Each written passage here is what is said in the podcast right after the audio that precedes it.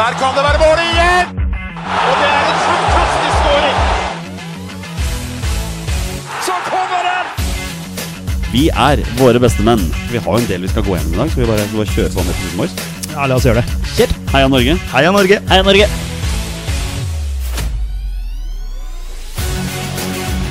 Takk, Ole Gunnar Solskjær!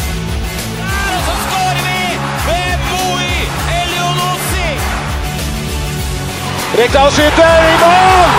Og Norge leder 1-0! Så kommer den! Det er Tariq Elunussi som har sist på den! Martin Ødegaard! Hjertelig velkommen til alle våre følgere og lyttere der ute til det som er Tyenes aller første episode 256 av Våre beste menns podkast om norsk landslagsfotball. Mitt navn det er Jonny Normann Olsen. Med meg i studio i dag har jeg hverdagsretten fra Bogerud, Peter Hermansen. Hei, hei, Olsen. Og velkommen tilbake etter sommerferien. Jo, tusen hjertelig. Og velkommen tilbake til nye Våre beste menn. Ja, Det er, det er ny tid nå. du og jeg. Du og jeg. Ja, Sånn som det starta for seks år siden. faktisk. Men nå er Torstein borte. Ja. Høres ut som han har gått bort. Han har ikke det. Altså han har bare flytta til Lillehammer. Ja. Så kan noen diskutere om det nesten er det samme, men det er det jo absolutt ikke. Sommerferie, bra. Eh, ja, litt eh, sykdomspreget. Eh, mine to døtre fikk vannkopper, så vi starta første uka med å avlyse Hellas-tur. Eh, og så kom vi oss heldigvis til Nord-Norge andre uka, der min samboer er fra. Så fikk eh, nummer to eh, vannkopper. Eh, så det har vært, eh, de to første ukene har vært litt sånn sykdomsprega med vannkopper, men utenom det så har det vært veldig, veldig fint. Den Hellas-turen røk dagen før, eller sånn, var det ikke det? Ja, et par dager før. Ja. Eh, så plutselig så så vi på minstejenta at eh, nå Ok, der, nå kommer det, ja. Ok, ja. Så Ja. da var det bare å avlyse. Eh, sånn er det med barn. Så, men utenom det, har vi fått eh, besøkt svigerfamilie oppe i Nord-Norge og ja, vært på hytta på Sjusjøen og vært i Lilleputthammer. Veldig gøy. Ja, ja, ja. bo- både for store og små. Så vi har kosa oss. Sandnessjøen, er det definert som Nord-Norge, eller er det Midten-Norge? Hvordan Ja, det er, det, er midt i landet, Ja. de sier jo det, men det er jo nord, da. Det er Nord-Norge. Ja, al- Alt over Trøndelag er som Ja, vi vet ja, det, ja det, vil jeg si, det vil jeg si. Eh, vår definisjon av nord er jo Trondheim og oppover, er det ikke det? Men aller viktigst er jo Har du sett noe fotball i sommer? Åh, jeg har sett masse fotball. Jeg var Eliteserien har ikke hatt pause. Nei, jeg har jo fått med meg litt Vålerenga-matcher, da. Eh, Stakkars deg. Nå har jeg tapt alle de jeg har sett, da, kan du si. Eh, vant det med nå sist mot Godset, den så jeg på TV. Eh, og det var jo gøy, for en gangs skyld å vinne en kamp. Men jeg, ja, jeg, var jo på, jeg var på jubileumskampen og var på Vikingkampen og ja, overtidstap, da. Du, du gir ikke opp. Nei, altså vi har jo sesongkort, så vi er klart vi går på kamp. Så, men eh, det har vært eh, ganske tungt nå, altså. Nå fikk de seg endelig en opptur nå, og så er det Haugesund til helga, så får vi se, da. Jeg føler at meg som Skeid-supporter, der, der har vi noe til felles. Det er, Ja. det er blytungt for begge to denne sesongen her, altså. Det, altså, det gro, altså Oslo-fotballen sliter jo litt, da. Koffa gjør det jo bra, da. Det må jo sies. Men det er ingen som bryr seg om Koffa. Nei, du hater jo Koffa. Ja, men det er fortsatt ingen som bryr seg om Koffa. KFUM, som ja, det heter. Ja, nei, jeg syns jo det er gøy at Koffa gjør det bra, men eh, jeg har jo ikke noe, noe imot KFM. Det har jeg ikke. Nei, fint. KFM er det Ja, det heter. ja, riktig. Men, men nok pjatt fra oss. Ja. uh, fordi vi har jo Vi har eh, celebert uh, selskap i dag. Vi har gjest. Og da er det bare å ønske velkommen til den nye U21-landslagstreneren, Petter. Jeg føler dere får en liten applaus. Jan Peder Jalland, velkommen. Hjertelig takk. Og først og fremst, vi kan bare begynne med det. Har du hatt en fin sommer? Ja, det har vært en bra sommer. Jeg har to unger. En datter på åtte og en sønn på fire. Så det har vært mye med de. Og så har det vært uh, veldig mye fotball med U21-EM, U19-EM, full eliteserie. Så det har vært uh, veldig mange kamper, og samtidig fått ta vare på familien litt også. Ja, Vi snakket om det litt her før vi begynte å spille inn. At Du ser jo enormt mange fotballkamper, men du ser jo hovedsakelig på enkeltspillere disse kampene pga. din jobb som U-landslagstrener. Det kan stemme. Ja, altså Norge så ser du både på lag og enkeltspillere. Um, og så har du Jeg var f.eks. i Latvia i slutten av juni og så Latvia San Marino U21, for kvaliken er i gang for de to. Så jeg dro ned dit for å se den kampen. uh, rett etter U20-samlinga vi hadde med to kamper mot Skottland, to uavgjort. Så var det rett videre til Latvia. Og da ser jeg jo på enkeltspillere, men veldig på motstander og hva vi tenker om de. Um, og så dro jeg videre og så U21-EM i Romania. um, og, og fikk sett et uh, U21-landslag som hadde en uh, totalt sett en veldig positiv uh, turnering. Um, så det var veldig gøy å, å se Smerud og gjengen slå fra seg. Og fryktelig nærme å ta det enda videre og gå til sluttspillet, som jeg syns de hadde fortjent. Så det var en veldig positiv opplevelse for mange. Eh, og så har det nå vært eh, veldig fokus på eliteserie sammen med U19-EM, som er tidenes resultat for oss. Så veldig imponerende av Louis, eh, det han har gjort med laget. Og så mange forfall.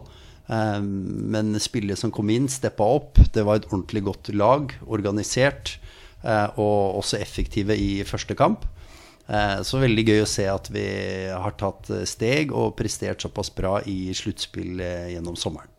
Du merker at dette kommer til å bli en bra episode når jeg får alt det ut fra 'Har du hatt en fin sommerferie?' Så får jeg liksom, får jeg liksom det svaret. Det her kommer til å bli helt nydelig, Petter. Så jeg lurer på nei, Skal vi bare kjøre i gang, eller? Ja, la oss gjøre det. Men du, da gjør vi det.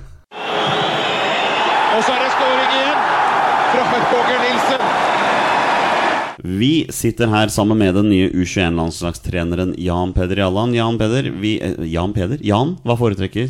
JP? Det er Uh, veldig fleksibel, så du kan lage din podcast-utgave av navnet. Det går. Åh, det er Nei, det blir Jan Peder er lett å si, da. Broren til Jørgen Jalland. Broren til Jørgen Nei, Nei, nei.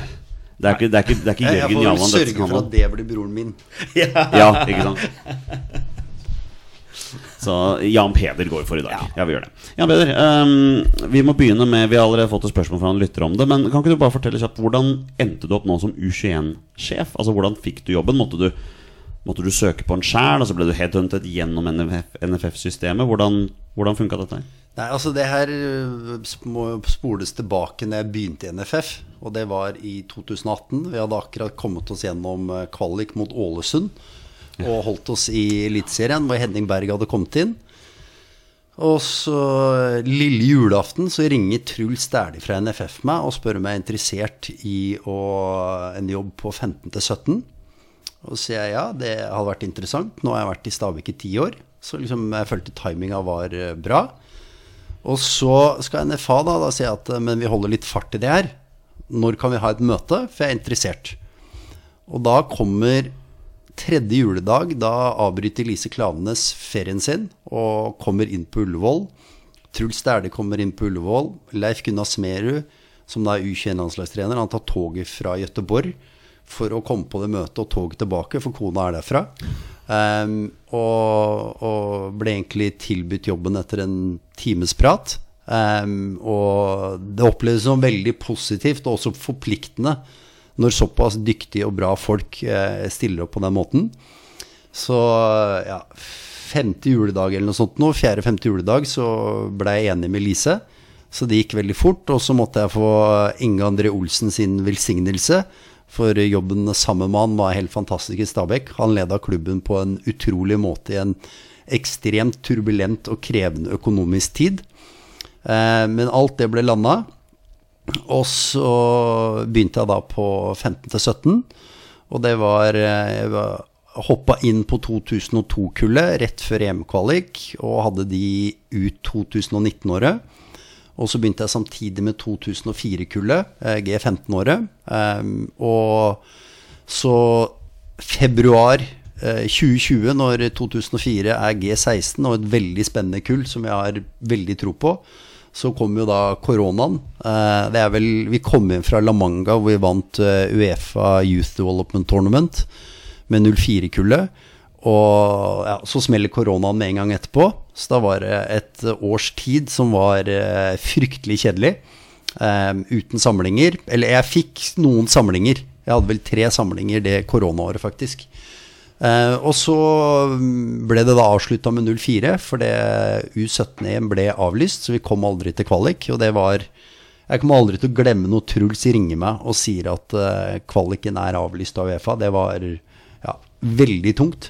For det var et kull som var fantastisk å jobbe med, og, og veldig spennende kull. Eh, både i forhold til toppene i kullet, men også en sjelden bredde i det kullet.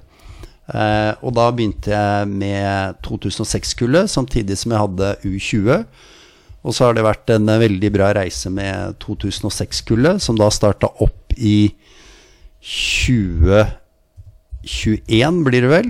Um, og vi vant egentlig um, alle turneringer nesten vi var med på, utenom uh, Syrenka Cup. Da tapte vi på straffe mot Portugal. Eh, etter å ha spilt 1-1, men 55-60% possession til oss og 6-3 sjanser. Så et veldig bra kull.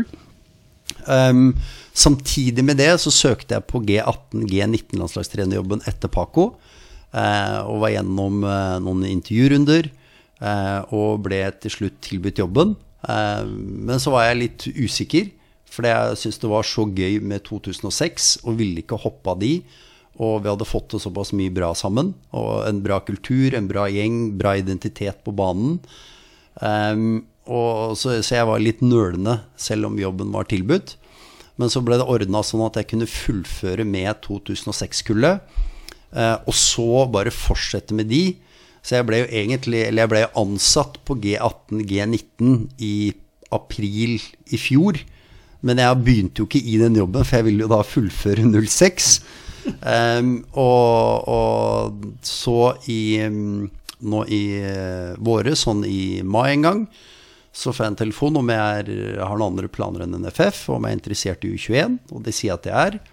Um, og så har de sett og observert meg nå i fire og et halvt år med mange ulike lag, i mange ulike settinger, i medgang, i motgang. Um, så de kjenner meg inn og ut som type, og laga, hvordan lagene mine fremstår. Em, så da var det Ståle Solbakken, Truls Dæhlie og Carl Petter Løken som um, er de tre som til slutt som landa det. Og tilbudt meg jobben som U21-landslagstrener, og det var stort og gøy og givende. Og føler meg også klar. Eh, så da takka jeg fort ja, og har nå holdt på å jobbe ja, mye for å kartlegge og gjøre ting klart eh, inn mot eh, kvaliken og øst. Ja, for jeg vil tro at den jobben begynte jo lenge før U21-EM som var nå.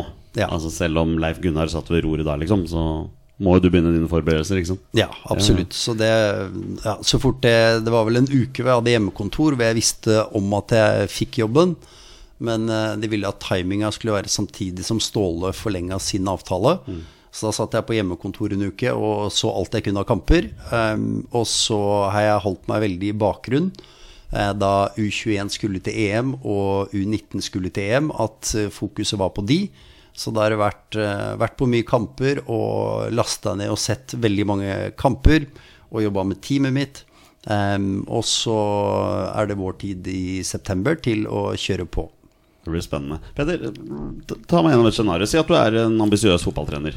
Og så blir du innkalt til jobbintervju, og det er for å vite at flere av Norges mest profilerte fotballfolk har avbrutt feriene sine og sånn for at du skal være der. sier ikke nei til jobben, da. Nei, jeg, ville i hvert fall eh, følt meg veldig ønska, da. Og det tror jeg Det er sikkert det, eh, Jan Peder kjente på også. Ja, at absolutt. her, eh, her er det noen som, som vet hvilken kompetanse man besitter, og har fulgt med en stund. Så det er spennende, spennende å høre på.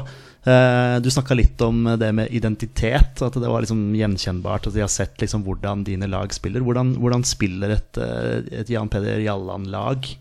Nei, altså det, For det første, på landslag så er jeg opptatt av først finne de spillerne som vi syns er mest spennende.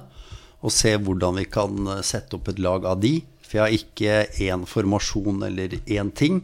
Og det er vel litt sånn jeg alltid har vært. Og så ble det også særlig forma de ti åra i Stabæk, hvor vi ikke hadde nåla i veggen. Så vi måtte bare få en best mulig spillere. Og så kunne være fleksible som trenere og finne de beste taktiske løsningene. De beste løsningene i forhold til tropp og elver. Eh, Så jeg liksom er ganske fleksibel i forhold til Jeg kan spille hva som helst av utgangsposisjoner, formasjoner. Eh, Så med eh, 2002 så endte vi opp med å spille 3-4-3, som jeg ikke hadde gjort før. Men det følte jeg var det beste med det kullet. Og med 2004 så var det så mye gode midtbanespillere at vi hadde vel fem-seks midtbanespillere på banen av gangen, og en variant av 4-3-3.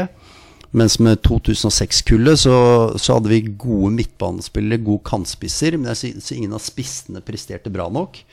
Så da endte vi opp med å spille en eh, bakre firer, to sentrale, to i mellomrom og to mer breie kantspisser, som vi hadde spillere til.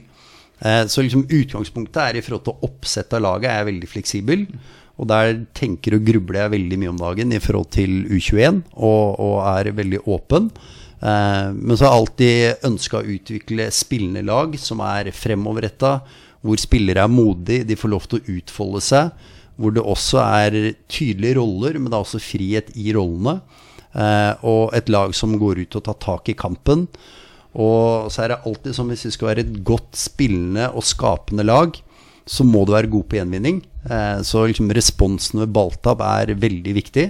Og så skal vi, selv om min preferanse er at jeg ofte finner eh, spillere med mye fotballforståelse, gode med ballen, eh, og gode relasjonelt, og har individuelle ferdigheter til å utfolde seg, så må det være et lag som jobber som F og er ordentlig godt organisert. Og skal det lykkes i landslagsfotball med et lag, så må du kunne hele pakka. Fantastisk.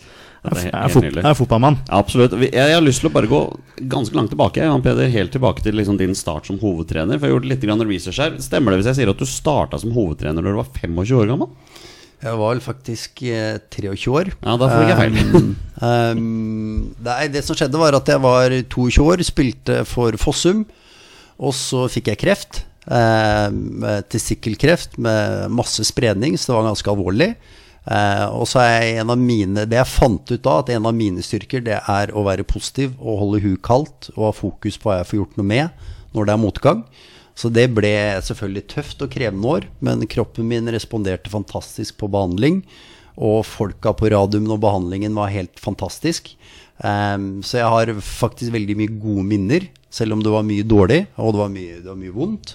Så var det der jeg på en måte virkelig fant meg sjøl. Eh, og når jeg var ferdig etter ett år med høydosekurer, operasjoner, stråling og alt, og alt hadde gått bra, så ja, da gikk jeg på idrettshøyskolen. Så flytta jeg hjem til gården, eh, for jeg er fra gård, på Nykirke på utsida av Horten. Og skulle på en måte komme meg i form igjen. Og så begynte jeg samtidig da å studere eh, engelsk grunnfag på, Bakken, eller i, på Eik, på lærerskolen.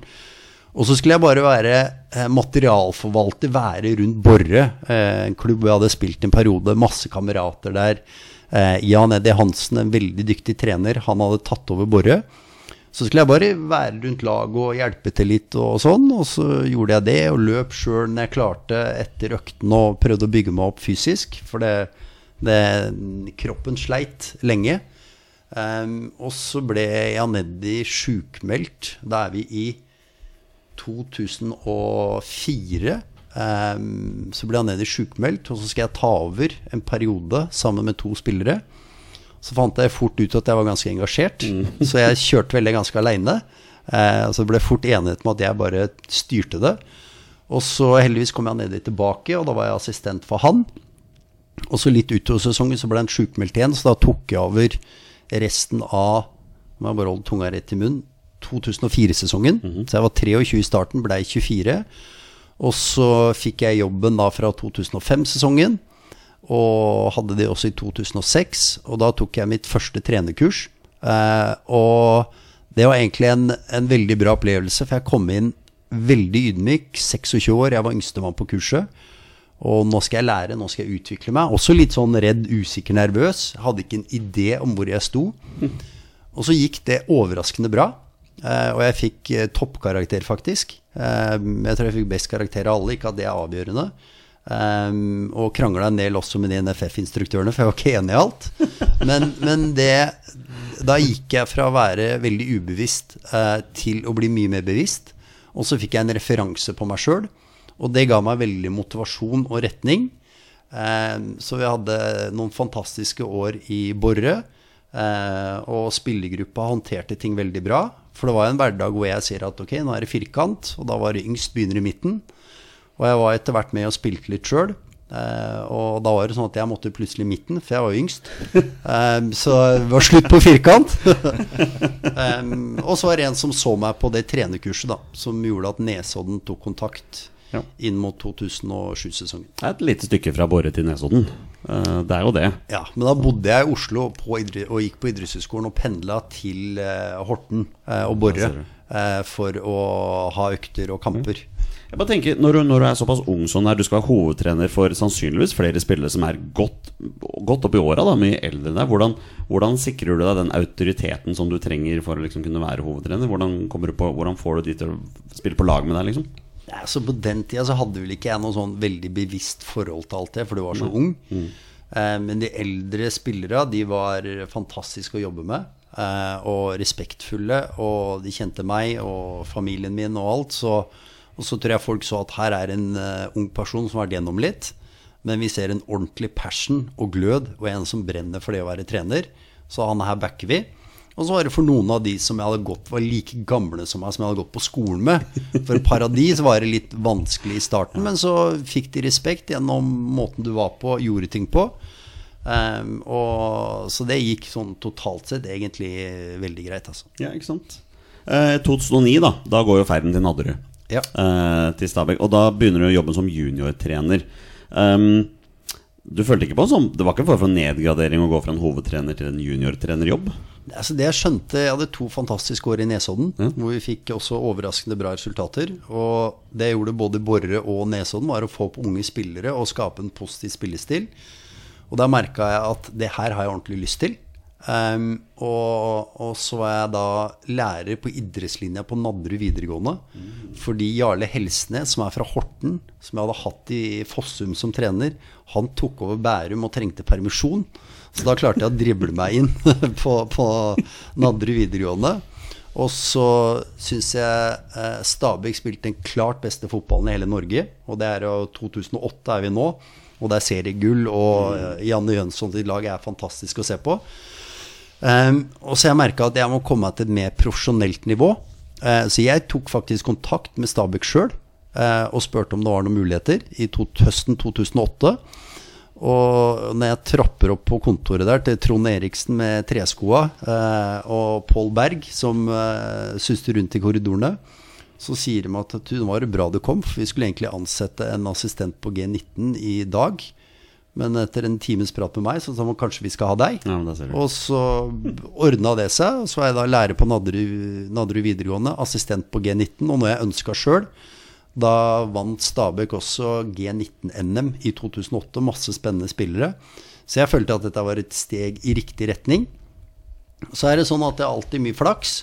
Og i løpet av 2009 så får Stabæk NTG-avtalen på høsten. Ja. Um, men det er også viktig å si at uh, på sommeren 2009 så er det en investor som sier at han skal putte inn masse penger i Stabæk, og han vil at jeg skal komme inn på fulltid. Da er jeg akkurat blitt tilbudt fast jobb på Nadderud videregående på idrettslinja. Og, og da er du på en måte sikra for livet. Og han investoren lover meg kontrakt og lover ditt og datt, men det skjer ingenting. Eh, og til slutt sitter jeg på bussen på vei til jetturneringa, hvor jeg bare tar opp telefonen og veit at ikke jeg Jeg veit ikke om det blir noe i Stabæk, men jeg må svare Nadderud og sier vet du hva, sorry, jeg må takke nei. Jeg må gå for drømmen. Det er fotball. Og så ordna det seg ikke med han investoren i Stabæk. Men de dribla meg inn, og jeg var med A-laget en måned. Og så kom den NTG-avtalen i stand. Ja. Og da var det plutselig to fulltidsansatte G19-trenere. Um, og, så jeg har hatt flaks, men jeg har også tatt modige valg i de rette øyeblikka. For det her er noe jeg brenner for. Eh, Så da var jeg assistent der i 2009 og 2010. Utrolig lærerikt eh, NTG-miljø. Lyn NTG var jo sterke og bra på den tida også. Så det var et faglig miljø langt over mitt nivå. Så jeg plukka opp og lærte veldig mye av veldig dyktige folk. Og A-laget til Stabæk med Janne i spissen. Så 2009, 10, 11 og 12 på, på juniorlaget der lærte jeg fryktelig mye. Og, og utvikla masse som person, leder og ikke minst fotballfaglig som trener også. Det ble jo nesten NM-gull da i 2009 der. Ja. Rosenborg ble dessverre for sterke. Ja, det, men det var en veldig bra NM-finale. Ja. Vi slo Viking borte i semien, som også hadde Berisha-brødrene og masse gode spillere. Em, og jeg husker den NM-finalen utrolig godt. Uh, dessverre så ble Vegard Eggen Henstad dårlig i pausen og kasta opp. Og mista energien sin, forståelig nok. Og han var massiv for oss i første omgangen. Og et Rosenborg med eh, Barli mål, Vangberg stopper, Aasbakk venstrebekk. Eh, Svensson midtbane, Midtsjø midtbane. Eh, Markus Henriksen midtbane, Bakenga spiss. Carlsen, som var i Ranheim spiss. Eh, og um, eh, en eller annen luring til, som det står helt stille. Jeg burde klart hele elveren. Um, Men hva med din egen elver, da? Eh, Der hadde vi Vi hadde Jørgen Hammer på stopper. Han kom fra Bærum, tok veldig steg. Bra type, bra kultur. Eh, og så hadde vi Thomas Rogne, som eh, fryktelig synd han, han har hatt så mye skader. Ellers så tror jeg virkelig det kunne blitt en A-landslagsspiller. over tid. Han spiller Og- fortsatt? Helsingborg. Helsingborg. Helsingborg, ja, Mm. De er superettene superettan, de nå. De er ja. De vant 1-0 i går eller i dag, um, så nå klatrer de litt ut av bunnstriden. Han har oversikt, da. ja, ja. ja. Det skal han. Og så hadde vi Vegard Hedenstad, som var veldig viktig. Torstein Andersen Aase. Helge Leikvang var en spennende spiller som dro til college. Veldig fotballklok. Jørgen Skjelvik, eh, som var veldig spennende. Han var kant på den tida. Fikk en god karriere. Eh, Mikkel Diskerud, fantastisk spiller. God gutt. Eh, kreativ. Eh, fått en eh, innholdsrik karriere, kan vi vel si. Det kan vi si. Um, så der var det Og nå er det sikkert en eller to jeg glemmer um, i forbifarta, men det var en endefinale på et høyt nivå. Jeg prøvde å finne Elveren her, skjønner du, men jeg, jeg fant den ikke. Ja, Det var, var litt interessant å liksom, holde på å si sånn Hvor er de nå? Ja. Det var jo noen spillere der. Altså, det er jo noen eh, både på det Rosenborg og Ja, ja. Stabæk-laget der som har hatt gode karrierer. Det eneste som sto på fotball.no, var hvem som fikk gult kort i den kampen, og det var Mikkel Diskerud var en av de, da. Typisk Mix. Vært filming. Ja, ja åpenbart. Um, er det én ting jeg merker da når vi sitter her og prater, så er det jo at du tar jo steg hele tiden. Ikke sant? At det er det karrieren din har blitt bygd på, at du tar jo steg på steg. Og da er det jo naturlig at vi går, hopper til 2013, for da, da blir du jo assistenttrener for A-laget til Stabæk. Ja. Stemmer, ikke sant? Um, og vi fant jo ut her, du, du nevnte for meg senere, at løpet av Nå var du vel kanskje fem, nei, fem eller seks år som assistenttrener i Stabæk. Det var noen trenernavn eh, som, som du var under, og da er jo et naturlig spørsmål å stille. Hvilken, hvilken av disse A-lagstrenerne som, du var- som du var under, syns du var morsomst eller mest utfordrende å jobbe under? Altså jeg må jo, eller Først må jeg få lov til å si eh, Petter Belsvik som leda oss i 2013, Ja. hvor det er en klubb egentlig ute av kurs. Vi har mista Telenor Arena, det er økonomisk krise, det er rettssaken. Eh, vi har ikke nåla i veggen til spillere. Eh, måten Petter hadde en stødig hånd og et kaldt hue og leda et veldig ungt lag, hvor Tronsen og Stengel er de sentrale midtbanespillerne. Det er det året de blir 18 år, så de er 17-18 år. Eh, masse unge spillere. Eh, måten han leda det på er Og det opprykket der var fryktelig viktig for Stabæk. Eh, og, men så blir jo eh, Det store høydepunktet er 2014 og 2015, hvor Bob Bradley kommer inn. Og han og jeg traff hverandre på en veldig god måte menneskelig, verdimessig og fotballfaglige verdier. Hva slags fotball står du for? Hvem er du? Eh, Så de to åra med han var helt magiske. For du kan jobbe med veldig dyktige trenere, men de kan ha en annen filosofi, andre fotballfaglige verdier enn av deg. De er kjempedyktige, du lærer mye. Men med Bob så liksom alt stemte da, mellom han og meg. Eh, Så de to åra der altså Da følte jeg at jeg, jeg tok så mange steg og lærte så utrolig mye. Og vi har hatt eh, tett kontakt og dialog hele veien. eh, og jeg har holdt på å bli assistenttrener for ham ved to tilfeller etter det òg, som har vært veldig nærme. Eh, så Bob har jeg, kommer jeg alltid til å være utrolig takknemlig for å ha jobba med, og en enorm respekt for mennesket, lederen og fotballtreneren.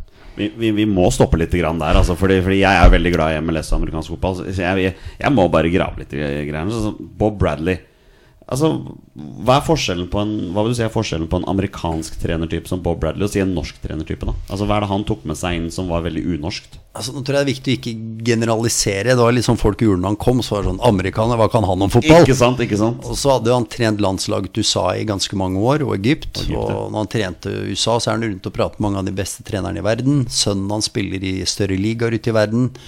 Ehm, og, men det som var, var at eh, en, han har en veldig sterk personlighet. Eh, men fotballfaglig så er han veldig god på individuelle detaljer. eh, og lagsorganisering, taktiske vurderinger.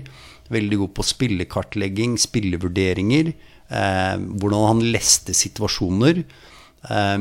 Så når vi hadde video med spillet, måten han kunne gå gjennom ting på, på et individuelt, relasjonelt og strukturelt taktisk nivå, og måten han formidla det på, da, med kraft og tyngde og presisjon i tilbakemeldinger, det var eh, noe jeg aldri hadde sett før opplevd. Og så tok han litt bort den Det er så mange ting vi tenker om fotball, da, og ting vi trenere sier, for det er bare sånn vi har blitt lært opp hele veien. Og han på en måte reiv bort alle de Når vi kom med sånne standardformuleringer, så var det sånn liksom bare glem det, det holder ikke. Hva er situasjonen, hva ser du faktisk? Så, så jeg følte at han åpna opp synet mitt veldig. Um, så liksom de to åra med Bob var helt utrolig. Og da må jeg også faktisk nevne Mexico Copa Chivas med Stabæk G19 januar 2009. Første nesten møtet mitt med Stabæk. Og en del sier liksom, hva er det skal til Mexico, bruke penger på det og spille turnering der?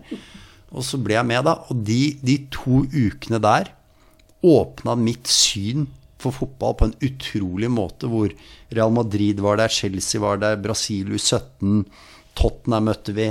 Altså det var, et hav av ulike nasjoner og ulike fotballkulturer. Og de to ukene der sånn, det jeg dro jeg med derfra, det, det berika mitt fotballsinn. Og det har jeg prøvd å ta med meg siden da. Um, så Copa Chivas 2009 og de to åra med Bob, det var eh, ja, noe helt unikt. Eh, og veldig, veldig gøy å oppleve. Det var jo, eh, det var jo Bob som oppdaga Dama Diomande, holdt jeg på å si. Som gjorde han til den stjernespissen.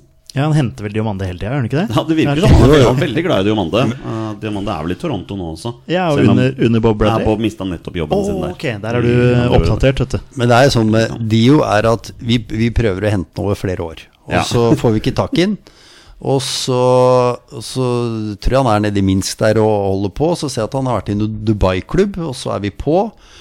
Og så skal det sies, da Nå er vi, Når vi går på Diamande, da er vi slutten av 2014-sesongen. Første året til Bob er ferdig. Da har vi tre spillere på prøvespill i Stabæk. Sigurd Rostedt fra en liten klubb som heter Kjelsås. Sander Takk, Berge takk for at du kaller dem for en liten klubb. Det setter jeg enormt stor pris på. Og, og Sander Berge, som er 15 år, fra Asker, og Fiti Masemi fra Follo. Og de trener med oss, eh, og de tre vil komme til oss. Og da har vi ikke penger til å hente noen av de tre. Bob sitter med styreformannen og sier får vi de tre, så er vi fornøyd for 2015-sesongen. Vi trenger ikke flere spillere. Vi har ikke penger. Det er helt krise. Og vi er på treningsleir. Vi er blitt eh, invitert til å dra til Portland pga. Bob. Og de betaler selvfølgelig alt, for vi hadde ikke råd til noe sjøl. og i, mens vi er i Portland, så klarer Inge André Olsen å få solgt Boli til Kina for 12 millioner. Og da er vi ganske nærme seriestart. Ja. Så i løpet av tre uker så signerer vi El Ganassi. Olsen klarer å lure Ernest av Sante ut av start for 300 000-400 000 kroner. Eh, og vi får nei på Diamande. Da skal vi spille treningskamp mot Sarpsborg. Nest siste treningskamp, tror jeg det er. Og midt når vi spiser kampmaten, sier Olsen Nei, dette, disse gutta nede i Dubai, 20 000 dollar, så kan vi få Dio. Vi går for det. Og det ble da beslutta mens vi spiser kampmaten i nest siste treningskamp. Og han kommer ni dager før seriestart. Og så ble det en eh, historie hvor han da blir solgt seks-sju måneder etterpå for 22-3 millioner. Herregud, for noen fete historier. Ja, Det er helt nydelig. Eh, du nevnte at du kunne ha blitt eh, assistent Bob Bradley videre. Eh, hvilke klubber var det snakk om, og hvorfor stranda det? Nei, det var, var nærme både i LAFC og i Toronto. I LFC så var det at uh, pga. kreften så kan jeg ikke få barn på vanlig måte. Men jeg, jeg fikk beskjed ni år at du ikke kan få, men det gikk til slutt. Um, at jeg kan få, så det var et stort øyeblikk, men vi måtte gjennom IVF. Og når vi da eh, akkurat var eh, Eller skulle i gang med IVF, så kunne ikke jeg dra med kona mi over til USA, for hun kunne heller ikke fly. Det hadde vi ikke lov til. Så det stranda rett og slett på at det var til ni år og beskjed om at det ikke går. Og så gikk det, og da kunne vi ikke kaste bort den muligheten. Eh, og sist så var det rett og slett koronaen som uh, stoppa ting. Ikke sant. Um, og så har jeg også hatt det veldig bra i NFF, så det har vært helt avhengig av rett timing der. Og ja, av andre ting også. Um, men, um, men å jobbe med Bob en gang i fremtida, det håper jeg virkelig at jeg får til. For det hadde vært en stor glede og ære. Ja, det er dødskult. Nå har du allerede snakket en del om ditt hopp videre til NFF da, eh, gjennom 15-17, så jeg tenker vi bør hoppe rett opp til U21. Um, for jeg har funnet et sitat her fra når du ble ansatt i NFF. Da sa du til fotball.no at du brenner for spillerutvikling med en positiv spillestil. Um, og så tenker jeg, nå som du er ansett som trener for U21, hvor, hvor stor del av den jobben mener du er basert på spillerutvikling, og hvor, av, hvor stor del av den jobben er resultatbasert? Nei, altså du skal ha resultater, og det ønsker vi på, på alle kull. Vi har veldig tro på at det å komme til sluttspill er utviklende for spillerne, og også at de får erfaring. Og så er det jo ingen tvil om at det endelige målet er å få A-landslaget til sluttspill og få de til å prestere. Og så ønsker vi veldig tydelig og klart å, å få flest mulig lag til sluttspill. Og så blir det en vurdering med hvert lag du har. Hva er styrker, hva er svakheter? Eh, på INFF så har vi akseptert at det er noe ulikhet mellom U-landslaga. Eh, det skal være nok likhet. Det er vel en av de temaene vi har diskutert mye de siste året. Hva er på en måte den røde tråden? Eh, og så blir det å finne balanse der for 2002, 2004, 2006-kullet. Det er veldig ulike kull, fordi vi er et lite land. Um, og, og, så syns jeg ting går veldig positiv retning. Profesjonalisering av akademier.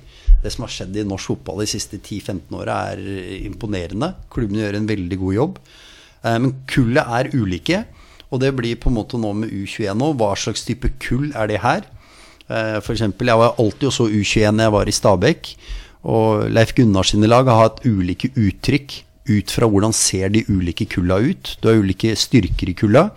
Um, så nå driver jeg og finner ut av hva, hva tror jeg blir den beste måten med 2002, 2003, 2004-gjengen, som gjør at vi spiller en best mulig fotball, men vi går også på banen uten tvil for å vinne, og målet er å komme oss til EM og prestere EM. Du, du nevnte dette her med viktigheten av å komme til mesterskap. Nå var det jo en debatt før mesterskapet med dette her med at um, siden turneringen ikke er lagt i internasjonal dator, mm. så er det jo klubbene kan jo holde igjen spillere. Ja. Hva er ditt syn på den, på den situasjonen der? Det altså det jeg håper skjer. Eh, altså Jeg tror ikke Uefa klarer å arrangere sluttspill for 19, U21 og det er også et VM for kvinner eh, nå.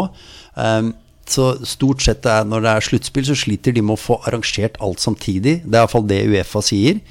Um, og når de da skal ligge utenom internasjonal dato, så det jeg håper kommer på plass, det er at Uefa sier at U19, U21 de ligger utenom internasjonal dato, men det telles som internasjonal dato. For ja. at det skal få gjennomslag, så må en del ulike forbund gå sammen. Men så kommer det over i casen, og det er makta de store klubbene har. Eh, hvor de er opptatt av at spillere er klare til preseason. Eh, og skal vise seg fram for hovedtrener, som Isak Arun, som under Ten Hag. Mm -hmm. At han får den muligheten. Og det er der det er en utfordrende situasjon, men jeg, jeg ser ikke noe annen løsning at 19 og U21 blir tildelt internasjonal dato. Ja, fordi, Eller flyttes. Ja, For da slipper man den diskusjonen med de, både internasjonale og norske klubbene da, om det ja. må bli frihet. Spesielt U19 ble jo et veldig offer for det denne gangen, for de mista jo nesten, nesten en hel elver. Ja, så er det med sånn spillere. Med U19 så veit du ikke før i slutten av mars Nei. om du skal til EM. Mm. Um, og, og da er det altfor kort tid til å, å, Du kan ikke legge en terminliste hvor du håper. Uh, U21 så vet du mer tid i forkant, og du kan gjøre et terminlistearbeid. Um, men med U19 så, så, er alt satt og spikra før du vet om uh, laget er kvalifisert eller ikke. Mm. Men um, nå er det ikke lenge til kvaliken begynner, da. Det vil si, Kvaliken har begynt, men dere har jo ikke fått begynt ennå. Det begynner nå i september, og EM 2025. Det er det første målet? Slovakia. Slovakia. Det, det, jeg skal faen meg gjøre alt jeg kan i min makt for å hjelpe laget og ta ansvar og lede og gå foran for at vi kommer oss til uh, Slovakia. Du har ikke booka hotellrom ennå? Ikke booka hotellrom, men uh, det er nesten at jeg dro med familien på ferie dit bare for å sjekke. Ikke sant. Uh, nå har ikke jeg tenkt å prøve å snike ut av deg noen form for tropp, for jeg vet at den kommer om et par uker. Sånn, men kan du i hvert fall si, har du hatt noen tid i det siste til å ha samtaler med noen av spillerne? Jeg er så vidt i gang med samtaler med spillere. Mm -hmm. samtidig så er det mange av de har nå vært i preseason. Eh, og de norske har vært i en eh, tett eh, er i en kampperiode hvor de har spilt hele juli. Så nå har jeg hatt holder fortsatt på med en massiv kartlegging. Både inn mot U21, men også U20 til høsten, hvor det er samling i oktober og november. Hvor jeg vil ha, mm, stå for mesteparten av uttaket. så nå er det veldig kartlegging. Og så begynner vi å nærme oss tida der jeg kommer til å prate mer med spillere og klubber. Eh, men først vil jeg ha sett nok og ha god nok oversikt og ha et klart nok bilde i mitt hode av uh, tropp og hvordan jeg ser ting. Og så vil jeg ha ideer om elvere og til måten vi skal gjøre ting på inn på samling. For det er to dager, og så er det EM-kvalik. Men samtidig vil jeg ha litt åpent også, sånn at jeg faktisk får sett hvordan ser det ut på feltet. Mm -hmm. Og følelsen jeg får med ting der. Uh, gruppa vår det er jo Italia, Irland, Tyrkia, Latvia og San Marino. Uh, kan du relativt kort bare si noe kort om de forskjellige lagene? Altså hva, slags, hva kan vi forvente mot dem? Ja, altså Nå er det jo en ny kvalik som skal i gang. Ja. Eh, så mm, Nye spillere, selvfølgelig. Så jeg, de flesteparten av landet har ikke spilt så mye kamper ennå. Men Italia vant jo G19-EM eh, og har da et bra 2004-kull. Men så har vi også sett at Norge presterte veldig bra og slår Italia U21-EM, så det betyr at det er mulig. Um, og så er selvfølgelig Italia vil regnes som favoritt, uh, men vi gleder oss til å møte de borte i, uh, i oktober. Uh, og så blir det spennende å se Irland, som alltid er organisert, taktisk dyktig, kompetitive, fysikk, løper som F. Godt lag, vanskelig å slå. Eh, men det skal vi. Også Tyrkia er litt sånn vanskelig å si, så det blir spennende å se de. Og så skal vi mm, slå Latvia og San Marino, samtidig som jeg har en veldig respekt for at alle land har noen gode spillere. Eh, når jeg så Latvia og San Marino nå i juni, i kvalikkampen, så dunker jo San Marino fem-seks gule kort og et rødt, og trykker til og løper og kriger og fighter. Um, men det er klart vi skal slå de, men jeg har også lært meg respekten for enhver motstander, at du må gjøre deg fortjent til å vinne enhver fotballkamp, og gjøre deg fortjent til å skåre hvert mål, og du må gjøre deg fortjent til å holde nullen også. Han kan få lov til å snakke om respekt. Vi er fotballsportere, og vi sier at San Marino U21 skal slåss. Det er vi enige i, altså. ja, For så vidt Latvia U21 også. Men hvordan er eh, samarbeidet med Ståle Solbakken sånn med tanke på U21 A-landslag? Har, Har, har, han, har han noe å si med tanke på uh, hvordan ditt lag skal spille, sånn at en U21-spiller skal Altså det, det blir et eh, holdt på å si, kortere steg fra, U, fra U21 til A-landslaget? Sånn at man, om man spiller på samme måte, eller har han noe å si der? Ja, så altså Ståle vi, altså nå, er, nå, er jo de, nå kjenner jo de meg godt som trener. Eh, og og, og soneprinsippene, det ligger der for, eh, for alle landslaga. Eh, og er en del av eh, fag, faglige føringer. Og så er det offensive litt mer åpent, ettersom det er så mange ulike kull. Eh, og så har A-landslaget en Haaland som vil eh, legge veldig mye premisser for de. Og så må vi finne ut litt av våre spillere, hvordan det ser ut. Og så vil det være en eh, løpende diskusjon med Ståle om ulike spillere som er aktuelle for A, som er på U21, og rollen til ulike spillere. Og så har vi også en frihet til å finne ut hvordan setter vi opp U21 på en best mulig måte. Hvor vi også møter, som dere har vært inne på, spennet fra San Marino til Italia er veldig stort. Så, så spennet er mye større i landslagsfotball enn i klubbfotballen. um, så du, du har ulike typer kamper og monterer ulike typer type kamper. Uh, og så blir det å finne en balanse i alt av det som gjør at spillerne gjenkjenner også det her er oss. Det her er oss uansett når vi går på banen. Men du må også være taktisk fleksible når du møter så ulike motstandere. Vi skal straks gå over til eh, spørsmålene fra lyttere. Jeg vil bare avslutte med spørsmål. Nå har vi jo snakket om gjennom hele denne sendingen her dine steg. Altså det har vært naturlig at du liksom har eh, tatt steg videre i karrieren. Nå er du U21-trener. Det, det er bare ett steg til, altså. I, eh, I NFF, og det er toppjobben. Er det ambisjoner om den, eller? Nei, altså det, det er selvfølgelig en drøm. Eh, og så er jeg veldig er en som jobber og står på og arbeider og elsker fotball og jobber med spillere og lag. Og syns det her er veldig gøy. Eh, og egentlig så har jeg lært meg at det, det som er meg, og er bare å ha fokus på å være en best mulig type og gjøre en best mulig jobb. Sørge for at jeg utvikler meg hvert eneste år. For jeg, det, det er viktig for meg at jeg merker at jeg tar steg. Eh, og det gir meg energi og retning og, og vilje i hverdagen. Em, og hvor langt ting kan gå og sånn. Jeg har vært gjennom nok i livet til at det er viktig å drømme, men også ta ting dag for dag. Uh, og så vet du aldri hvilke muligheter som dukker opp, for i fotball så er det så timingbasert. Så du kan få én mulighet som aldri kommer igjen. Eh, så, så timing er så stor del av det. Så best mulig jobb hver dag, og så får vi se til slutt. Eh, og så tør jeg ikke ha mål om noe som du snakker om, men en drøm, det, det hadde vært eh, den største drømmen, selvfølgelig. Eh, men jeg, ja, det tør jeg egentlig ikke å tenke på, helt ærlig. Nå skal jeg gjøre en best mulig jobb på U21.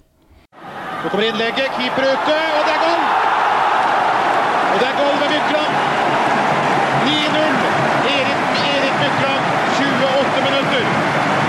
Vi har som vanlig etterlyst spørsmål fra våre lyttere, og Petter, de leverer jo som bare det. Du skal få lov til å guide oss gjennom noen, kanskje til og med alle. Vi får se hva vi får tid Ja, til. Vi får se hva vi får tid til. Eh, ja, vi har jo spurt våre følgere på vi kaller det fortsatt Twitter, gjør vi ikke det? Jeg kommer konsekvent til å kalle det for Twitter, ja. Vi kaller det ikke X. Jeg sier ikke X. Hva er det der greiene der for noe? Elon Musk som finner på hvert annet tull. Vi kaller det for Twitter. Twitter. Eh, Anders H. Hansen spør Norge ser ut til å slite med å få opp gode keepere og stoppere eh, til et høyt internasjonalt nivå. Hvordan mener Jallan vi kan best tilrettelegge for å snu trenden? Altså det er jo ehm, Du kan gi korte svar og lange svar. Eh, det det jeg tror skjedde litt, da, må si, når jeg gir lengre svar, det er at eh, liksom for, for en 10-12 år siden så følte, tror jeg mange følte at landslaget var fortsatt var 4-5-1, lavt forsvarsspill. Og folk litt sånn Vi trenger noe mer. Og så får du plutselig fotballkamper fra hele Europa inn i stua, noe vi aldri hadde hatt før. Og så er det en trener som heter Pep Guardiola, som plutselig gjør noen ting med Barcelona som alle ser og ikke har sett før. Og så er kunstgressbanene kommet, og så skjer profesjonaliseringa av akademiene sakte, men sikkert. Og vi går liksom da fra å være litt sånn Norge og robuste kamper og dårlig underlag, til at pendelen går helt andre veien. Alle skal spille som Barcelona. Men så kan egentlig inne oss trenere av hvordan det faktisk er. Og så kommer det mange unge trenere pga. flere heltidsroller i akademier. Og, og mange av de unge trenerne, meg sjøl inkludert, eh, mangler kunnskap og erfaring med forsvarsspill. Og det prioriteres altfor lite på feltet. Og det blir veldig mye possession uten retning, så treningsmetodikken endrer seg, for alle skal være Barcelona. Eh, og så tror jeg det fortsetter ganske lenge. Og så tror jeg på et eller annet tidspunkt at ting balanserer seg mer opp. Hvor du har ulike klubbidentiteter, folk forstår helhetsspilleren du må utvikle, helhetslaga du må utvikle. Så jeg tror liksom det er en stor del av det. Um, og, og det um, gjør at sakte, men sikkert så tror jeg det vil komme flere og flere midtstoppere opp. Uh, og hvis jeg liksom ser nå på 2003, 4, 5, 6, 7 Åtte er litt tidlig ennå, men jeg var og så de i, i Østerrike, eh, Italia-turneringa nå, Delle Nazione i mai. Så ser jeg nå mange spennende midtstoppere som kommer. Og så er midtstopper den rollen hvor jeg syns det er klart vanskeligst å forutse potensial. For det påvirkes mye av vekst og modning, og midtstopperrollen vil ha noen andre antipometriske krav enn andre roller. Selv om du nå ser Martinez på 1,73 Premier League, så er det, det er mer nå mobile, hurtige stoppere, men størrelse, luftspill, eh, forsvare boks vil ha en del å si. Eh, og en del spillere som vokser seinere, de vil mangle fart i den perioden. De vil være mer ukoordinerte, de vil være mer skada. Så en del av de vil ofte også komme litt seinere. Eh, og igjen, fra spennende ung midtstopper til å levere hver eneste uke to til tre ganger i uka i kamp, det er et veldig stort steg i den rollen. Så, så vanskelig å si, men jeg syns det eh, åra som kommer nå litt frem i tid, så, så ser jeg mange som jeg syns ser potensielt veldig spennende ut.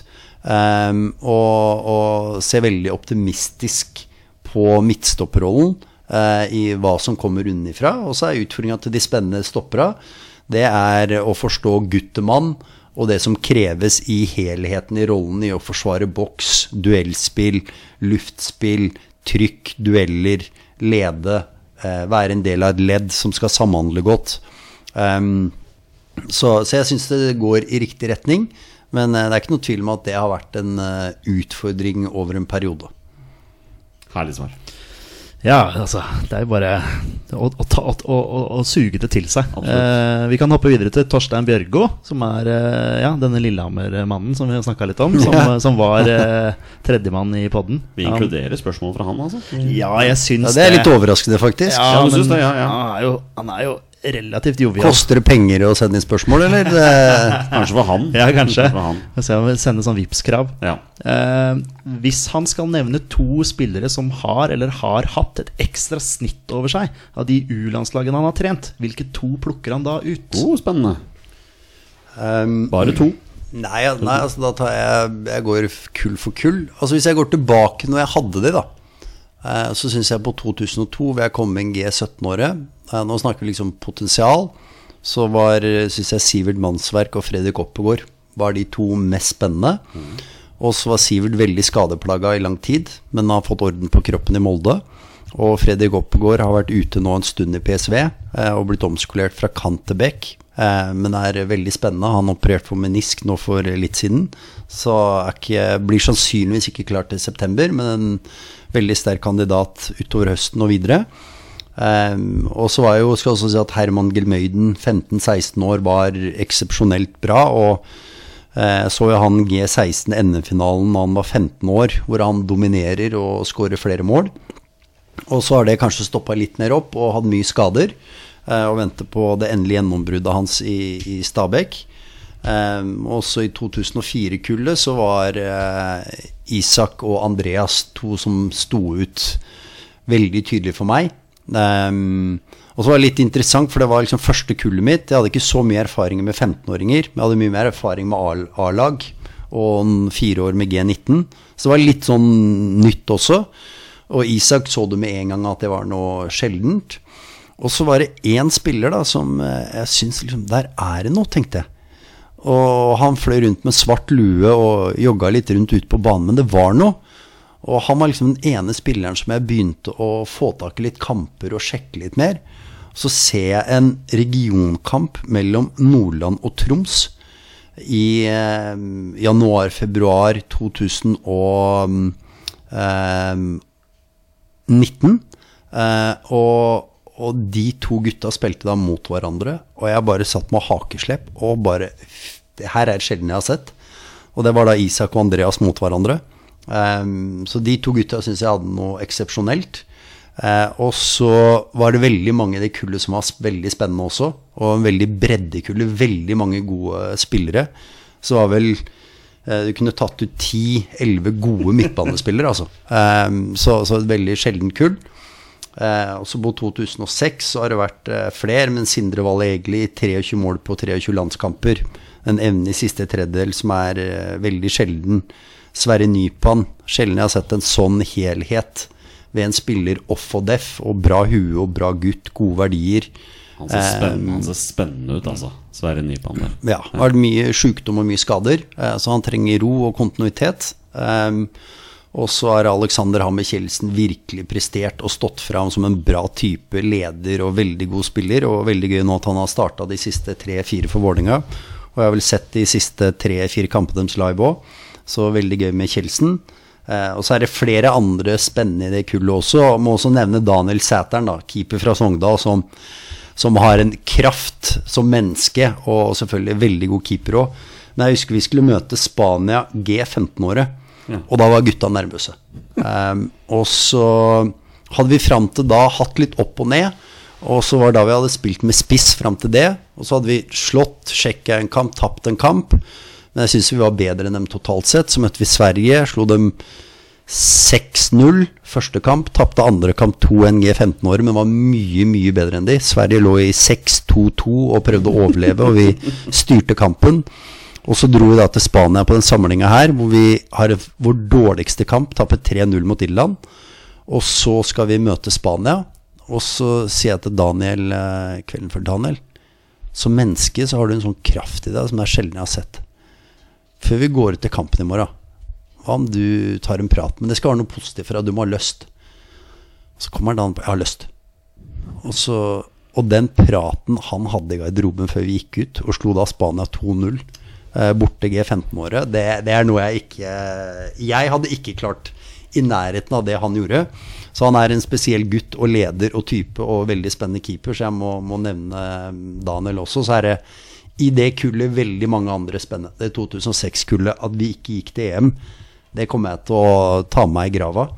Eh, hvor vi vinner første kvalikrunde mot Irland, Belarus og, og, og Nå står plutselig helt stille. Vant 7-0 mot um, Ikke Aserbajdsjan, men um, um, Kan ikke huske alt heller. Armenia. Armenia ja. Og så møter vi Kroatia, Slovenia og Belgia. Eh, Belgia møtte vi en måned før og slo 4-0 og feide av banen. Da mangla vi en del, og de mangla noen. Så møter vi Kroatia, og vi har 10-1 i sjanser. Eh, og da er det store sjanser. Keeperen deres redder straffe, de redder på strek to ganger. Og vi, ja, jeg syns vi spiller dem av banen, og at vi ikke Det var første gang på siden Irland-kampen G15 at vi ikke skårer mål. Eh, så at den kampen ender 0-0, det, det er helt utrolig. Og så møter vi Slovenia kamp to, må gjøre en del bytter pga. Sindre sliter med en lysk, Sverre eh, kunne spille lite i kamp én, litt mer i kamp to, han sleit med skader. Eh, Sju-tre sjanser, ikke noe topprestasjon, men to av sjansene deres er balta på egen banehalvdel. Og vi, de redder på strek to ganger, vi kjører over dem, men burde skapt enda mer. Men det er sånn, det er veldig sjelden du taper den kampen. Det er fryktelig sjelden. Du spiller Som regel så vinner du, og noen ganger så spiller du uavgjort. Også på overtid så skårer eh, Slovenia på dødball. Første gangen de slipper inn i første sone på, på defensive corner noen gang. Og de to kampene da vi sagt gått halvannet år hvor vi hadde skåret over 2,5 mål i snitt per kamp, og et snitt på baklengs på under halvannet. Og sagt vunnet alle turneringer. Slått England to ganger. Danmark slått de. Og så siste kamp så feier vi Belgia banen og vinner 5-0. Men da er vi avhengig av at eh, eh, Slovenia slår Kroatia, for det er innbyrdes oppgjør. Og det er jo naboland. Og kvelden før kampen så blir trena deres eh, sett av våre spillere stå på bensinstasjonen kvart på elleve på kvelden. Og selvfølgelig da avtale at hvis eh, Norge leder, så, så vinner eh, Kroatia. Og hvis Belgia leder, så Så det er sånn det funker. Ingenting å utsette på det. Vi var få på Uefa om fair play og alt sånt. Men ingenting, det er liksom fotball og game, og, og vi har sjøl å skylde på. Men da ha fire poeng, 5-1 i målforskjell, ryke ut og ikke skåre mål i de to første kampene, det er den største skuffelsen jeg har hatt som trener. Eh, og den kommer til å, være med meg resten av livet, for det var så skuffende. Og så er 2006-gjengen et lag jeg virkelig har tro på kan gå til G19-EM og virkelig få til ting. For det kullet er veldig bra. Ja. Det er jo historietime her. ja, dette er helt nydelig. Det er bare å si Jeg ja, bare igjen. suger det til meg. Ja, det er, man må, man må det. Jeg, jeg digger det. digger det Vi kan hoppe til Einar Tømmer. Var det svar på spørsmålet? Jeg husker ikke hva spørsmålet jo, var. Gang, jo da, det var det. Det var et svar inne der et eller ja, annet ja, sted. ja. eh, så vi Det var eh, Du snakka og altså, Ja, Spørsmålet ja. var om Ja, ja. spillere, men du dro den bare litt er det, det er mange flere som skal være nevnt, da. Men Kan ikke, be han der noen, om, så kan ikke be han der om to spillere. Det, det går jo ikke. Nei, tydeligvis ikke, da. Men eh, vi hopper videre vi, til Einar Tømmerhol, som spør hvordan eh, kommer han til å forholde seg til det å plukke spillere som kunne vært aktuelle for yngre lag? Vil det prioriteres å f.eks. spille fast på G18 over å være med benken for U21? Ja, altså det, det, Der vil det være viktig at vi spillere flyttes opp. Eh, så mm, etter mitt syn nå så må de spille nok, uten tvil. Så nå er det jo da eventuelt 2005-spillere. Hvor det selvfølgelig blir en eh, diskusjon. Ingenting er avgjørelser er tatt, men diskusjonen rundt Nusa, som hadde et bra U21-sluttspill. Um, og så, mm, så det får jeg diskutere litt med Louis um, og, og Ståle også i løpet av neste perioden. Um, mitt utgangspunkt er at jeg er, egentlig, jeg er veldig for hospitering i klubb, men mye mer konservativ når det gjelder U-landslag. Det ene er at på 15.-16 så er det fortsatt veldig vanskelig å spå hvem som blir best. Uh, og det handler mye om vekst og modning, og også det mentale er helt avgjørende. Og når jeg ser på de gutta jeg trente i Stabekk, som har tatt steget opp på A-landslaget, Birger Meling, Hanke Olsen, Morten Thorsby, Hugo ehm, og, og ja, flere andre, Mats Dæhlie, hadde en periode i Stabekk fra Nick United. Eh, Ola har jo vært innom også. Um, men liksom når du tar Thorsby, Hanke, Birger, Hugo De gutta gjør litt mer enn alle andre hver eneste dag. Og 15-16 år hadde ingen sagt at eh, de gutta ble landslagsspillere. Men uh, når Morten Thorsby i 2013 i, Adecco-ligaen ikke får nok minutter og er forbanna frustrert, så kjører han trappeløp og hopping i en time uten at noen har sagt noe til den. Birger og Hanke måtte du sitte og være positiv med i videoen noen gang, for de var så sjølkritiske. Ikke på en negativ måte, men på en bra måte. Sto igjen på feltet hver dag, gjorde litt mer enn alle andre. Og det vet du ikke nok om når det er 15-16 år. Så liksom det 15-17-løpet, så sant det ikke er noe eksepsjonelt Martin Ødegaard ble selvfølgelig flytta opp. Så er mitt utgangspunkt at tenk veldig nøye gjennom det. Det vil også skape veldig forventninger for en spiller. Og, og en spiller må lære seg å håndtere forventninger, men det er også vanskelig i ung alder. Eh, og så er det normale er at når du da er ferdig med 17, så hospiteres det opp to, tre, fire spillere etter faglige vurderinger av trenere, som blir med 18-19-løpet med kullet over. Og så er planen at de går tilbake til sitt eget kull, så de kan oppleve U19-EM to ganger. Så sant ikke det er så spennende at de flyttes rett opp på U21. Så det er en av de tingene nå som vi skal lande i høst. Hvilke spillere flytter vi opp fra 06 til 05, som begynner sin kvalik nå i høsten. Så handler det om hvor spennende er de spillerne på 06. Men det handler også om hvilke spillere har de eventuelt i samme posisjon i 05-kullet som de syns er bra nok. Eh, Så der er en sånn helhetsvurdering. Men jeg syns det er veldig viktig å tenke nøye gjennom hospitering på U-landslag. Ja. Jeg kjenner jeg gleder meg til uttaket om noen uker. Ja, faktisk. Det blir Det blir veldig spennende. Eh, Christian Løvhaug, er det en du kjenner? Ja, stemmer det. Ja, ja. Da får vi se hva han spør om, da. Ja. Eh, har Jan Peder lært seg å klappe i takt slash rytme? Spør han om uh, han f.eks. kan klappe den klassiske som er på Norges landskamper, der det klappes en rytme og man avslutter med å rope 'Norge'. Nei, altså, jeg, jeg Um, det, er- det er- stemmer det. Altså, jeg er ikke noe rytmeboks. Uh, Det er ingen i familien, så jeg er bedre til å se på fotball og tenke fotball og prate om fotball og ta tak i ting enn å klappe. Og da er det vel fordel at jeg har blitt trener og ikke supporter på heltid. For jeg tror jeg er bedre der enn eh, på tribunen. Ja, det er snakket i orden, det er ingen tvil om. Uh, Ja, nei, men Det er interessant at han ikke klarer å klappe Er det klapp, klapp, klapp, klapp, klapp, klapp, klapp, klapp, klapp Norge? Er det ja, det eller, som er eller Norge, klapp, klapp, klapp. Ja, eller Norge, klapp, klapp, ja. Uh, Du han, skal få slippe å klappe. Altså. Det er greit, det er greit. han spør videre hva het russebilen han var med på? Nei, Det er ingen kommentar til. Ok, Ok. Er det, Men det jeg kan si, er at uh, vi fikk skilter på fredag. Dro til Stavanger for denne Er det Kongeparken heter? Ja, ja. Søndag på vei hjem så konka hele russebilen, og vi måtte bare sette den fra oss i Kristiansand og fikk solgt den til en vrakhandler.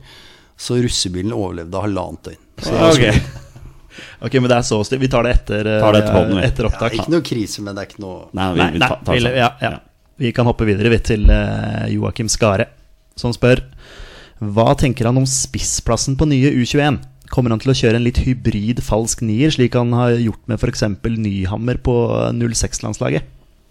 Ja. Ja, så der er jeg mm, veldig fleksibel og vil se an laget, og vi kommer sikkert til å ønske å gjøre ulike ting i løpet av ti kvalikkamper. Hvor det er flere spillere som uten tvil kan spille falsk nier. Men så er det også spennende spisser, hvor de nærmeste på nå er vel liksom Sidiata, Lasse Nordås, du har Karlsbakke, Herrenfen, Skogvold er spennende, Flataker har gjort det bra for G19. Og det dukker alltid opp noen, eh, noen nye også, og det er også flere på den lista. Um, så, så der er jeg åpen. Uh, Foreløpig og ikke konkludert på noe. Og så blir det litt sånn uh, se hvem som presterer. Og det er jo litt tilbake til Dumande som du var inne på i stad.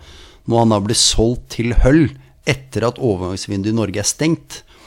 Og vi da prøver å få tak i en spiss, men det er ikke noen spisser tilgjengelig. For da kan du kun hente spillere som har terminert kontrakten før det norske vinduet stengte. Men det vi finner, er en god midtbanespiller i Antony Annan. Så henter vi Antony, Annan som erstatter for Diomande. Og han spiller jo midtbane, og da blir Luke Cassi falsk nier og skåret en sju-åtte mål i løpet av høstsesongen og var veldig bra. Eh, Så hele greia er at eh, alle lag vil ha en, eh, ha en spiss som skårer masse mål. Jeg hadde tatt Haaland til alle lag i hele verden. Eh, Og vi har veldig spennende spisser, og vi har spennende falske niere. Og så blir det bare å være åpen og se hva, hva passer best i ulike kamper, og hva er best i helheten. Spennende.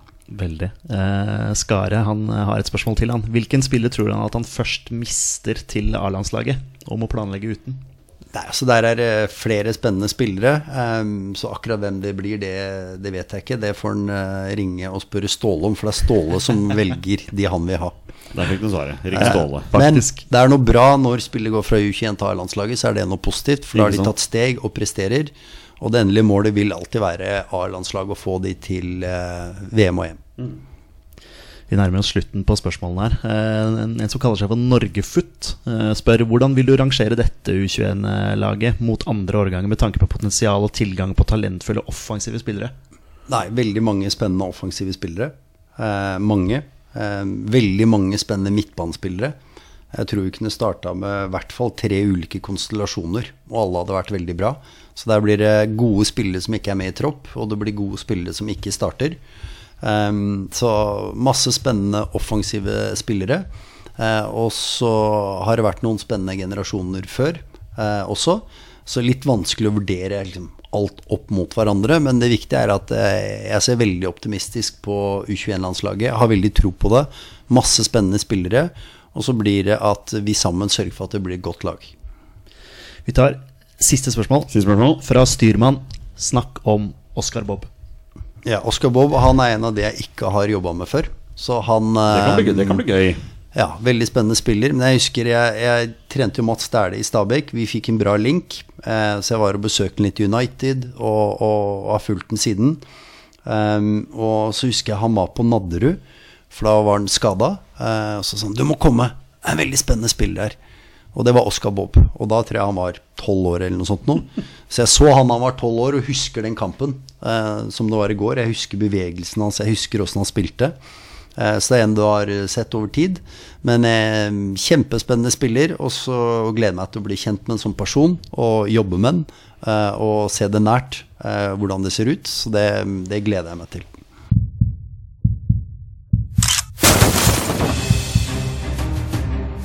Er han nåværende landslagsspiller? Er han utenlandsproff? Er han fortsatt aktiv? Er han back? Har han spilt for Rosenborg? Damer og herrer, det er nå tid for 20 spørsmål. Det er på tide å avslutte som vi pleier, med en runde med 20 spørsmål. Petter og dagens gjest Jan Peder Jalland har 20 ja- og nei-spørsmål. Og kommer fram til spilleren jeg har funnet fram, og det er da en spiller som har minst én A-landskamp for Norge. Bonusregelen her i Våre bestemenn er at når de gjetter navnet på en spiller, det er spillet over, og de har vunnet eller tapt. Petter, siden dere har med gjest, ingen tvist i dag. Ingen tvist. Nei, men så fint. Da er eh, alle spørsmål up for grabs. Da sier så jeg- å si. Vær så god. Takk. Um, vil du at jeg bare skal starte, og så tar vi litt på. gangen i det? Uh, jeg vi pleier jo å spørre uh, om Er han fortsatt aktiv. Nei. Ok, Jeg er en ikke-aktiv spiller. Det er jo en haug. Har broderen landskamp, eller? Nei. Nei. Jeg har sjekka. Kunne vært. Ja, jeg, Jeg må- jeg tenkte det. ja, ja, Men Morten Skjønsberg har én landskamp, da. ja, ikke sant? Ja, ja, ja. Kan jo være en luring. Han kikka litt bort her nå. Det er ikke noe pokeransikt på han. Ja, jo, Jeg pleier som regel å ha det. han har ganske bra pokerfjes, men det kan jo selvfølgelig være en Stabæk-link her. Har spilleren vært i sluttspill med Norge? Nei. Bra spørsmål. Bra spørsmål. Så er det litt sånn der å komme seg inn på posisjon, f.eks. Ja, ja. Er det en uh, angrepsspiller? Nei. Snakker vi om en forsvarsspiller, Olsen? Nei. Oh. Keeper? Nei. Oh, vi er på midten. He heiv vi bort en del spørsmål? Ja, men nå vet jeg at det er midtbanespiller som ikke har klarer jo ikke å holde tellinga, så her er det bare å dundre på. Å nei, jeg, jeg holder tellinga. Han har, han har full kontroll, ass. Ok, midtbanespiller. Dette har jeg gjort i seks år. Ok, En ikke-aktiv midtbanespiller som ikke har vært med i det mesterskap for Norge. Stemmer. Uh, har han flest kamper for en klubb i Norge? Ja. Holder den klubben til i Eliteserien? Ja. Ok, så er eliteserieklubb. Det er jo fort å tenke Stabæk, da, siden det er en link her, men uh, Ok, flest kamper for en eliteserieklubb. Uh, holder den eliteserieklubben til på Østlandet? Nei. Ok. Ok. Da mista jeg den. Er det venstrefot, da? Nei. Det liker jeg at du spør om, for det pleier jeg og Torstein å spørre om Ja, også. og derfor har jeg sjekka på forhånd. Han er ikke venstrefot. Ok, høyrefot, flest kamper, midtbanespiller, flest kamper for en klubb på, som ikke er Østlandet. Okay, Har han vunnet serien i Norge? Nei. Det er ti. Da er vi halvveis. Så han har ikke vunnet serien. Ikke vært med i mesterskap. Midtbanespiller, flest kamper for Vi Du må jo spørre om han har spilt i utlandet. da. Ja, absolutt. Ok, uh, har han spilt i utlandet, denne spilleren? Ja. Ja, det er jo helvete.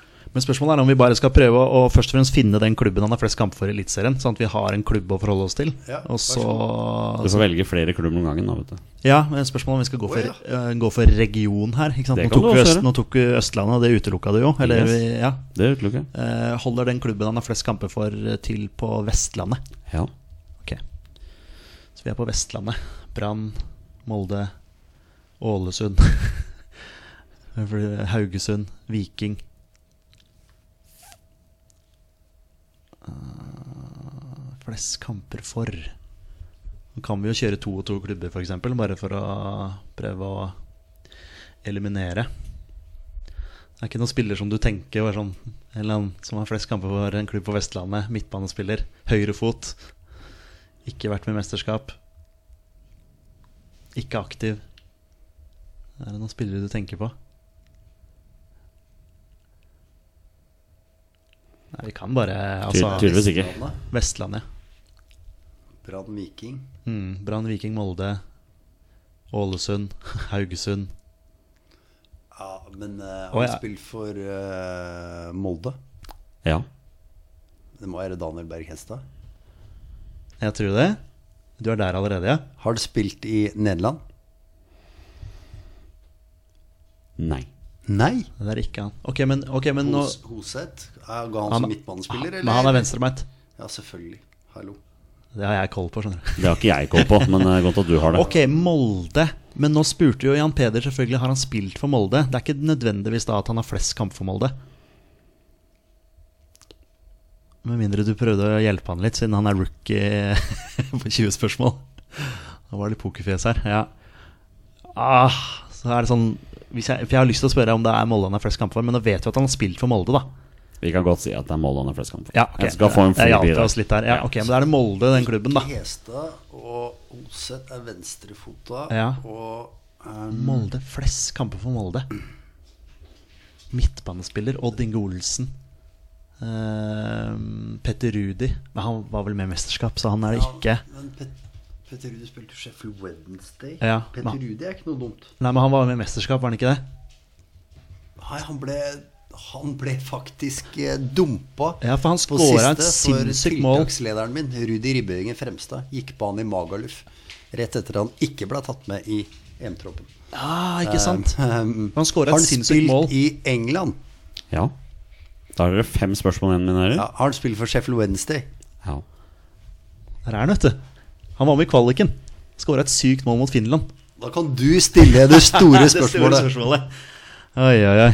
En av mine Ja, ikke favoritter for landslaget. Det skal jeg være helt ærlig å si. Eh, Men, men vi, kan, vi har jo flere spørsmål. da Har han, ja. Jobber han som eh, scout for en klubb? ja. Mener jeg at han gjør? Ja. Ja, ja, ja, men vi vet jo hvem det er, dette her. Eh, spilte han for noen flere klubber? Det var Chef Wednesday, selvfølgelig. Eh, hadde han noen flere utenlands eh, Du vil bare bruke opp spørsmåla, du nå? Nei, bare dundre på. det er samme for meg. Eh, Jonny, ja.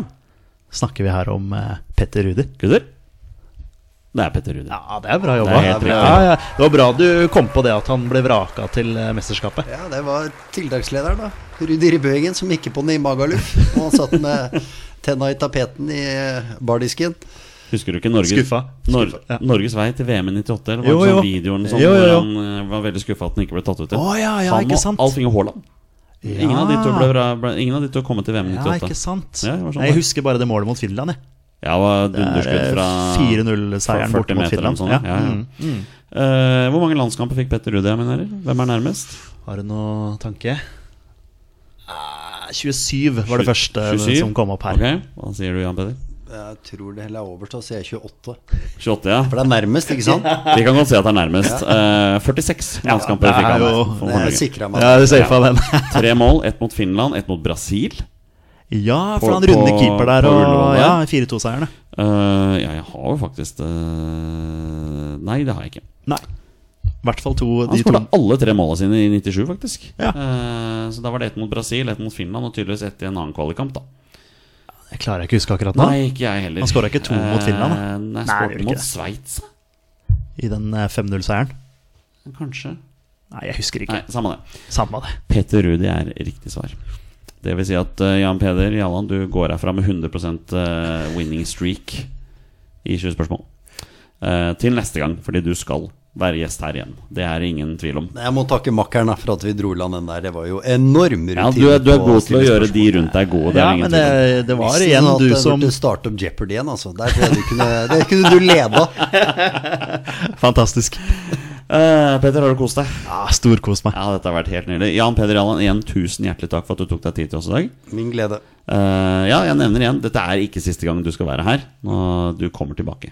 Ja, men så hyggelig. Kommer tilbake når vi har kvalla til uh, det- EM i 2025. Eh, ja, ikke minst. Altså når vi har kvalla dit. Yes, Og den dagen han blir ansatt som A-landslagstrener, så skal vi ha førsterett på første intervju. Første intervju, faktisk. Ja, ja, første intervju. Vi går, TV2 og alt er bare å kaste vekk. Glem nå de, da. Vi er jo her, ikke sant.